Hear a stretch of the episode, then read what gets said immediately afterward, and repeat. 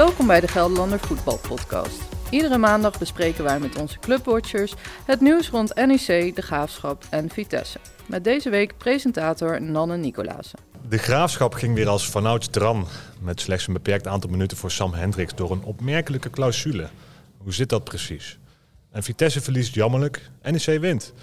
Spelen beide clubs aan het einde van het seizoen tegen elkaar om Europees voetbal. Nou, we staan weer midden op de redactie hier in Nijmegen met eh, Jeroen Bijma, clubwatcher van NEC. Goedemorgen Jeroen. Goedemorgen. En Raymond Willemsen, die doet dat voor de Graafschap. Goedemorgen Raymond. Goedemorgen. En ik begin met het moment van jullie weekend. Wat, wat was het moment voor jou, uh, Jeroen Bijma? Ja, eigenlijk een heel uh, triest moment. Uh, Louis Vergaal, de bondscoach van het Nederlands elftal, die maakte gisteren bekend in het programma Humberto dat hij lijdt aan prostaatkanker. Een agressieve vorm. Dus ja, dat is natuurlijk verschrikkelijk. En het is wel een opmerkelijk moment, want hij leidt er al een tijdje aan. Maar de spelers van het Nederlands elftal die wisten van niks. Dat deed hij ook bewust. Want hij wilde het groepsproces niet verstoren. Ja, dat vind ik, vind ik wel heel knap en bewonderenswaardig. Ja, hebben jullie enig idee waarom hij dat nu dan wel naar buiten brengt? Nee, ja, hij, zoals hij zei, van hij wil het, het groepsproces bewaken. Hij wil niet dat spelers van Oranje worden afgeleid. Ze speelden natuurlijk vorige week twee oefenwedstrijden tegen Denemarken en Duitsland. Ja, Vergaal is volop bezig om Oranje klaar te stomen voor het WK. Ja, en hij denkt dat de spelers dan dit nieuws niet kunnen gebruiken. Ja, nu weten ze het alsnog. Ja. Ja, triest nieuws inderdaad. Hopen dat het uh, snel beter met hem gaat. Raymond, wat is jouw moment van het weekend? Ja, ik uh, wijk heel even af van het uh, gebaande pad, het voetbal. Ik ga even naar het wielrennen. Ik ben idolaat van Mathieu van der Poel. En gistermiddag op de redactie hebben we toch het werk heel even gelaten voor wat het was. En de laatste vijf kilometer gekeken. Ik vond echt weer geweldig wat die man deed. Wat een inspanning, hè? Ja, en hij blijft ons betoveren. Maar wat een staltje bluffpoker ook, hè? Ja, ja, ja, het was echt uh, bijzonder spannend. Hij liet het wel, wel op aankomen, maar ja, hij, hij, wint toch weer. Dat is echt geweldig. Ja, om even de, de luisteraar ook een idee te geven van waar we het over hebben. Uh, Mathieu van der Poel die heeft uh, de hoogmis, de Ronde van Vlaanderen gewonnen. Belangrijke wielerwedstrijd. Um, maar goed, nu gaan we weer verder met voetbal, jongens. we beginnen met de graafschap. is het weer als vanouds, zoals ik net zei, Raymond? Ja, het was vrijdag als vanouds tegen FCM, de koploper. Uh, niet uh, bevreesd, maar juist heel onbevangen speelde de graafschap. Vol vooruit. Uh, het vervelende voetbal van de laatste maanden onder Reinier Robbenmond was in één keer helemaal weg. Heel bijzonder dat er 10.300 mensen op de Vijverberg zaten na al die ellende van de afgelopen maanden. Zoveel waren er nog niet geweest dit seizoen. Die hebben een geweldige eerste helft gezien, waarin de graafschap FCM eigenlijk helemaal overblufte. Het uh, had 2-3-0 kunnen staan bij de rust, maar het stond 1-1. Eén uh, onoplettendheid en het was meteen raak. De tweede helft was in evenwicht. Maar al met al een hele aardige wedstrijd. iedereen wel genoten. Ja, 1-1 bleef het ook. Hè. Um, op voorhand, of voor de wedstrijd, uh, was er nog iets gaan op het veld. Een kampioensteam uit 1991 maakte een ereronde. Heeft dat misschien nog wat gedaan ja, met nou, supporters of spelers? Heb, dat heb ik geschreven, van dat uh, oude cracks uh, deze spelers hebben geïnspireerd. Was inderdaad een ereronde van het kampioenselftal van 1990, 1991. Die werden toen ongeslagen kampioen in de eerste divisie. Dat kun je bijna niet meer voorstellen. Dat ze gewoon geen, geen wedstrijd verloren hebben tot het moment dat ze kampioen werden tegen Helmond Sport. Ja, die, die zorgde voor een geweldige sfeer. En die sfeer bleef ook de volle 90 minuten hangen. Hielp dat ook om, om, om de spelers... Ja, een soort ja van... bij, bij de Graafschap is niet, niet, niet zo heel veel nodig om, uh, om een goede sfeer te krijgen. Want het publiek is uh, ja, eigenlijk hondstrouw en uh, hartstikke fanatiek. En die gingen er ook weer vanaf de eerste minuut achter staan. En zag je ook echt een ploeg die, die, die naar voren wilde en ook echt druk zetten op de tegenstander. En uh, ja, dat wordt dan heel erg uh, gewaardeerd. En uh, ja, dat versterkt dan alleen maar. Ja, en Sam Hendricks die kwam er na rust pas in. En dat komt door een nogal bijzondere clausule. Hoe zit dat precies in elkaar? Kun je daar iets over vertellen? Ja, dat was in één keer woensdag wel, was wel het moment van de dag, zeg maar. Ja, hij heeft, Hendricks speelde bij Cambuur. En de Graafschap wilde hem huren eind januari voor een half jaar. Toen heeft uh, Cambuur gezegd, dat doen we niet. Hij heeft hier nog anderhalf jaar contract. half jaar doen we niet, want we willen hem eigenlijk liever niet meer terug. Want dan gaat zo'n speler heel tijd heen en weer. En hij was daar derde spits. Heeft Cambuur gezegd, uh, anderhalf jaar kun je hem uh, huren. Nou, die, die constructie uh, die, die werd toen toegepast door de toenmalige technisch manager Peter Hofstede. Maar die is teruggefloten door de Raad van Commissarissen. Die hebben gezegd, dat gaan we niet doen. Toen kwam er een hele bijzondere constructie uit. Hendricks, als hij tien keer in de basis zou spelen, dan uh, zou zijn contract automatisch met één jaar verlengd worden. Maar goed, Hofstede die is inmiddels weg en die is vervangen door Peter Bijvelds, een nieuwe technisch manager. En die heeft dat contract uh, gezien met die clausule. En die heeft gezegd, uh, dat gaan wij niet doen. Nee. Uh, Sam Hendricks heeft negen keer in de basis gespeeld. vrijdag tegen Emmen is de tiende keer. Zitten wij er een jaar aan vast. Ik heb voor volgend seizoen al twee spitsen. Denzel Gravenberg en de jonge, talentvolle Devin Haan. Ja, dit gaan we niet doen, hoe vervelend dat ook is voor die jongen. Dus die is met die zaakwaarnemer van Sam Hendricks op tafel gaan zitten. Dat is Robert Postma. Ja, die heeft gezegd, ja, ik, wij houden gewoon vast aan die clausule. Dat gaan we niet doen. Toen heeft Bijvelds gezegd, ja, dan mag hij niet meer starten in de basis. Ja, wat betekent dat voor zo'n jongen? Die hoort ineens van het een op het andere moment... Ja, ja voor, voor, die jongen is, wel goed, voor die maar, jongen is dat vreselijk natuurlijk. Die jongen die, die heeft de pad nog deel aan. Die kan er niks aan doen. Die traint had, is een prettige jongen. Uh, volgens mij een hartstikke goede jongen, ook qua sfeer in de groep. Hij heeft volgens vier mij, doelpunten gemaakt. Precies, de graafschap kan hem volgens mij ja, ook nee, was handig ook, in de basis hij gebruiken. Hij was ook de onbetwiste eerste spits. Maar ja, die jongen krijgt in één keer te horen... Sam, uh, jij speelt uh, hooguit nog maar één helft, minus één minuut. Want hij mag dus één minuut na rust mag hij invallen. Uh, want hij mag ook niet een hele helft spelen, want dan, is, uh, ook, uh, dan geldt hij ook als tiende. En geldt dan, ik weet niet of je dat weet hoor, maar als er nou zes minuten blessuretijd zijn... Nee, die tellen, niet, die tellen, die tellen niet, mee. mee. Maar hij mag okay. vanaf de 47e minuut mag hij het veld in. Okay. Hij kwam de vrijdag de 53e minuut in. Dus hij maakt nog wel zijn minuten, maar ja, voor zo'n jongen is het wel zeer teleurstellend natuurlijk. Het is ook nog een jongen uit Doetinchem. Dus. En in de eerste helft scoort Joey Konings.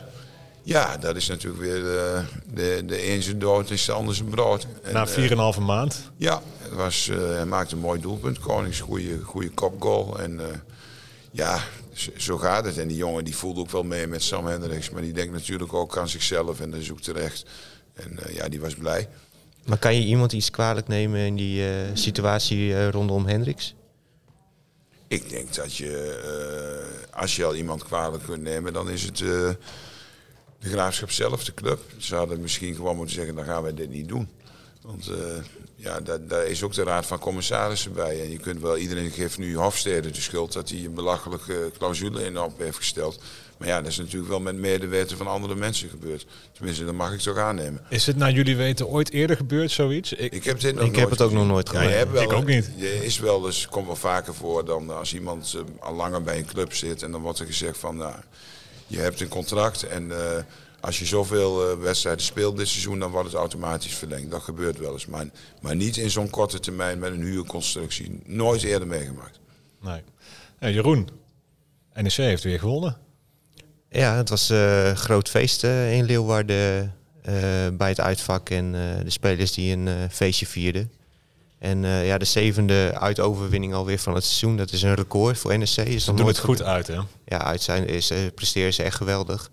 Het staat in schril contrast met uh, hoe ze het doen in thuiswedstrijden. Want daarin uh, Stevens af op een uh, diepterecord.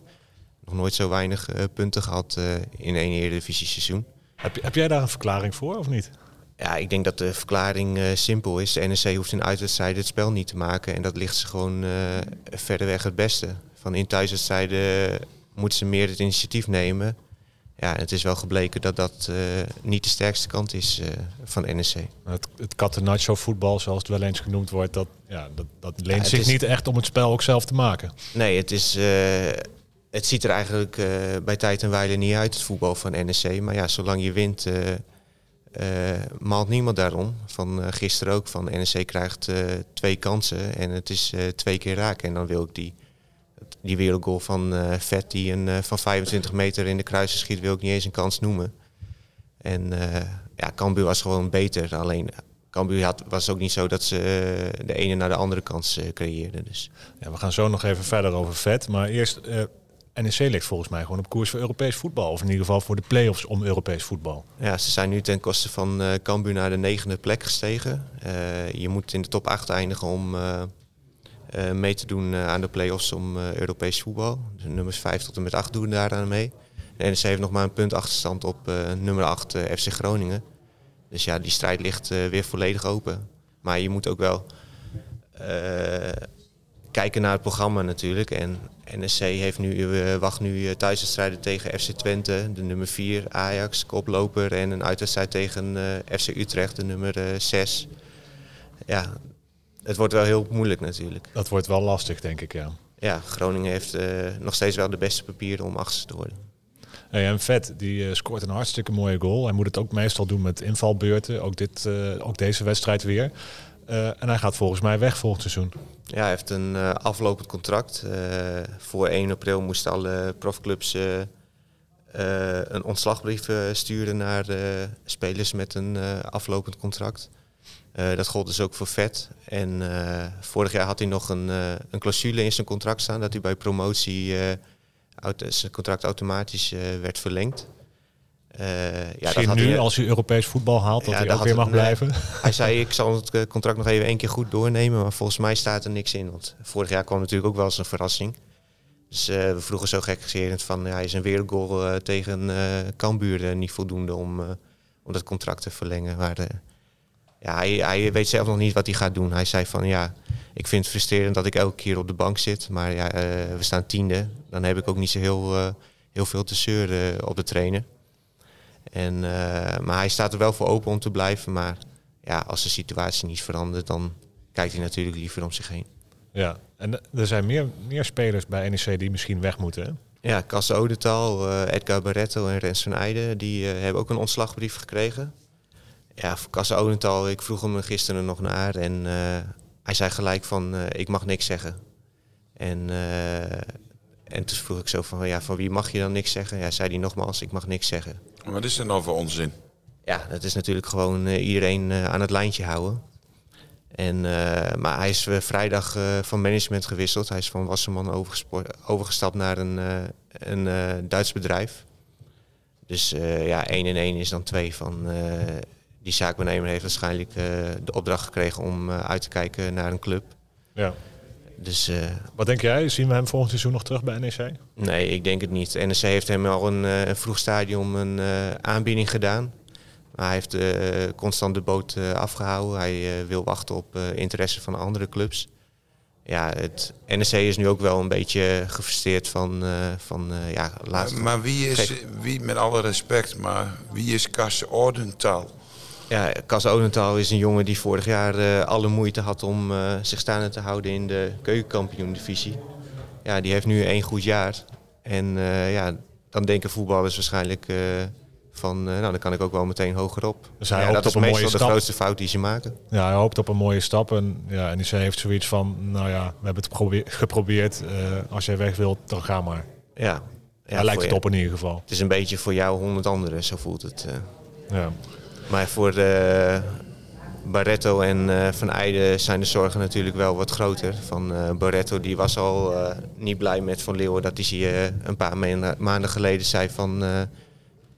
ja, we kijken wel even of we met je verder gaan. Ja, Barretto zei van ik vind dat ik meer respect verdien voor alles wat ik voor de club heb betekend. En ja, dat wordt wel steeds een moeilijker verhaal natuurlijk. Van, Barretto eh, bijt nu ook op, zich, li- op zijn lip van eh, ja, ik wil wat horen. Hoe oud is Barretto nu? 37. En hij heeft ook al gezegd van ja, als ik geen contractverlenging bij NEC krijg, dan is het einde carrière voor me. Ja. En jongens, maar met alle respect, die man is 37. Hoe, hoe goed hij misschien ook geweest is, maar hij wordt niet beter natuurlijk. Hè? Nee, de wordt- club heeft toch ook gewoon het recht om te zeggen van ja, we kunnen eh, niet eeuwig doorgaan. Nou, dan ga je een keer stoppen. Het sentiment is bij supporters er wel ook, hè, volgens mij, dat, dat ze vinden dat Barretto meer respect verdient. Eh, Ja, maar wij hebben bij de Graafschap Ted van der Pavert. Dat is ook een boegbeeld. Die jongen voetbalt eh, bijna zijn hele leven op een uitstapje bij PEC en de NEC na bij de Graafschap. En is aanvoerder, wordt ontslag voor aangevraagd.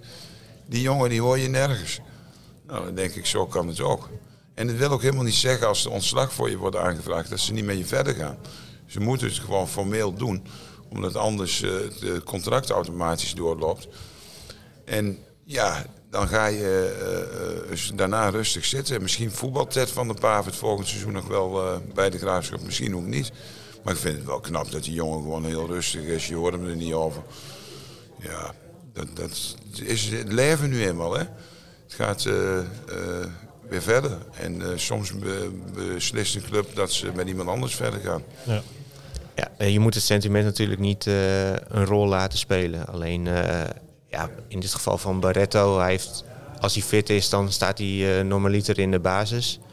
Ja, het is niet zo dat hij helemaal niet meer van toegevoegde waarde is. Je kan hem er echt wel volgend seizoen bijhouden. Desnoods een soort mentorrol of zo voor, voor de jonge gasten die ze hebben ze kunnen misschien wel Europees voetbal halen. Moeten ze dat überhaupt willen? Is dat iets wat ze na moeten streven? Ja, willen moet je natuurlijk altijd. Het is natuurlijk voor NEC uh, zou dat geweldig zijn. Alleen of het realistisch is, is natuurlijk een compleet ander verhaal. Van, uh, uh, in de play-offs tref je waarschijnlijk AZ of Twente en dan Vitesse en Utrecht. Ja, dan is NEC natuurlijk gewoon zwaar de underdog van Vitesse, AZ, Utrecht, Twente, die hebben alle vier meer kwaliteit op het veld staan dan NEC. Dus dan heb je wel gewoon een gelukje nodig in die play-offs. Ja, vorig seizoen hebben ze natuurlijk ook een kunstje geflikt in de promotie naar de eredivisie.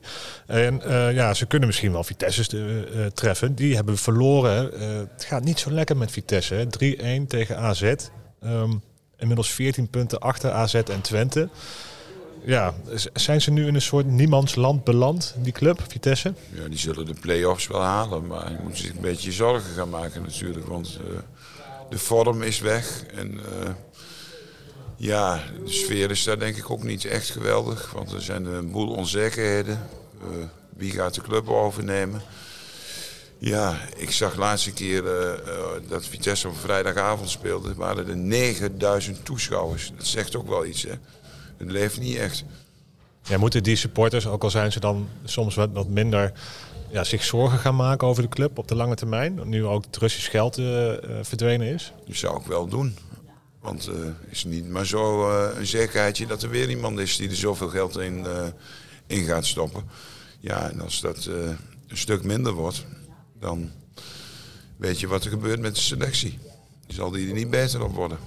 Nou, als je kijkt naar dit seizoen hè, van Europees voetbal, dat verbloemt echt alles bij Vitesse. Van geweldige wedstrijden gespeeld tegen AS Roma, Tottenham Hotspur, Stade Ren, Anderlecht, Rapid Wien. Ja, en in de competitie, ja, als ze, twee, als ze twee, drie goede wedstrijden hebben gespeeld, dan is het al bijna veel. Ja, dus, toch, toch staan ze in het linker rijtje. Uh, maar goed, ik denk dat ze in Arnhem wel hogere verwachtingen hadden aan het begin van het seizoen. Ja, als je 14 uh, eh, punten achter staat op de, wat is het? Uh, nummers 4 en 5. Nummers 4 en 5, ja. Dan, ja, dat mag natuurlijk Vitesse nooit overkomen. Dat is natuurlijk veel te veel. En dat doe je gewoon heel slecht. En ze moeten ook wel een klein beetje op gaan passen. Hè, want ze spelen dit weekend tegen Cambuur. Ja, stel ze verliezen dat. En dat is gezien de vorm van Vitesse zou dat helemaal geen verrassing zijn. Ja, dan komen die ploegen, eh, de nummers 9 en 10, komen wel steeds dichterbij. En ja, dan kan je zomaar nog de play-offs mislopen. Dat zou natuurlijk helemaal uh, zou wel rampzalig zijn. Ja. ja. En, ja, waar ligt het dan aan bij Vitesse? Dat ze zo slecht spelen? Want iedereen roept steeds van ze kunnen veel beter, ze hebben meer kwaliteit, maar ze spelen zo slecht. Is het dan zo dat ze zoveel kwaliteit hebben? Ja, het lijkt wel of ze zich alleen maar op kunnen laden dan voor die wedstrijden. Dat, dat is ook niet stabiel genoeg lijkt het wel. En eh, ze hebben individueel hele goede spelers, maar ik zie natuurlijk meer van de afstand, maar ik zie wel wedstrijden op televisie. Ik vind het ook niet echt om, uh, heel leuk om naar te kijken. Het is uh, ja, heel degelijk en het, het, het, is absoluut geen mooi voetbal, dus je kunt ook niet echt terugvallen op patronen. En, ik denk dat dat ook wel een reden is dat, er, dat het niet, niet stabiel is. Het, ja, Jeroen zegt net, ik denk dat ze één geluk hebben, want Cambuur is nog slechter in vorm in uh, 2022. Dus als, ze dan, dat ze dan komend weekend weer een keer winnen, dan dat, die, die is wel aanwezig. Nou, dat is aanstaande vrijdag. Hè. belangrijke wedstrijd eigenlijk voor Vitesse om dat gat toch een beetje groter te houden. ook de Graafschap speelt aanstaande vrijdag tegen de nummer 2, Volendam. Ja, dat zou je zeggen, heel zware wedstrijd. Maar Volendam is echt helemaal van slag. Die verloren nu weer van Top Os. Die, die, die zijn het helemaal kwijt. Dus ik denk... Uh, maar daar zal de paniek toch wel groot zijn uh, bij, bij Volendam. Volendam. Want de paniek uh, zal zeker groot zijn. Want ja, dat was natuurlijk alles al in gereedheid gebracht voor het promotiefeest. Dat kon niet meer mis. Maar... Nee, de platte kaart stond al klaar. of de boot waarschijnlijk. De boot. ja. Maar ik denk dat de boot nog even in de haven moet blijven. Want ja, ik denk dat de graafschap daar absoluut niet kansloos is. Ja, ja en NEC tegen FC Twente. Uh, lastige tegenstander. Wat zijn jouw verwachtingen uh, daarbij? Ja, NEC heeft uh, geluk dat Van Wolfswinkel is geschorst. Die kreeg tegen, afgelopen weekend tegen PSV, schitterende wedstrijd zelfs. Als ook een hoogtepunt van dit weekend. Maar ja, dat scheelt natuurlijk wel een slok op een borrel dat die niet meedoet. Maar ja, NEC, wat we al aangehaald hebben van ze presteren natuurlijk gewoon heel slecht in uh, thuiswedstrijden dit seizoen. Ja, dat zal tegen eh, Twente misschien niet, uh, niet opeens heel anders zijn. Ja, daarna mogen ze ook nog tegen Ajax en Utrecht, zoals je eerder al zei. Dus ehm, vol aan de bak voor de Nijmegenaren. Nou, daar gaan we volgende week en de week erna en de week daarna en de week daarna ook volop over doorpraten tijdens deze podcast. En mocht u nou oude afleveringen terug willen luisteren, dat kan natuurlijk op dg.nl slash podcast.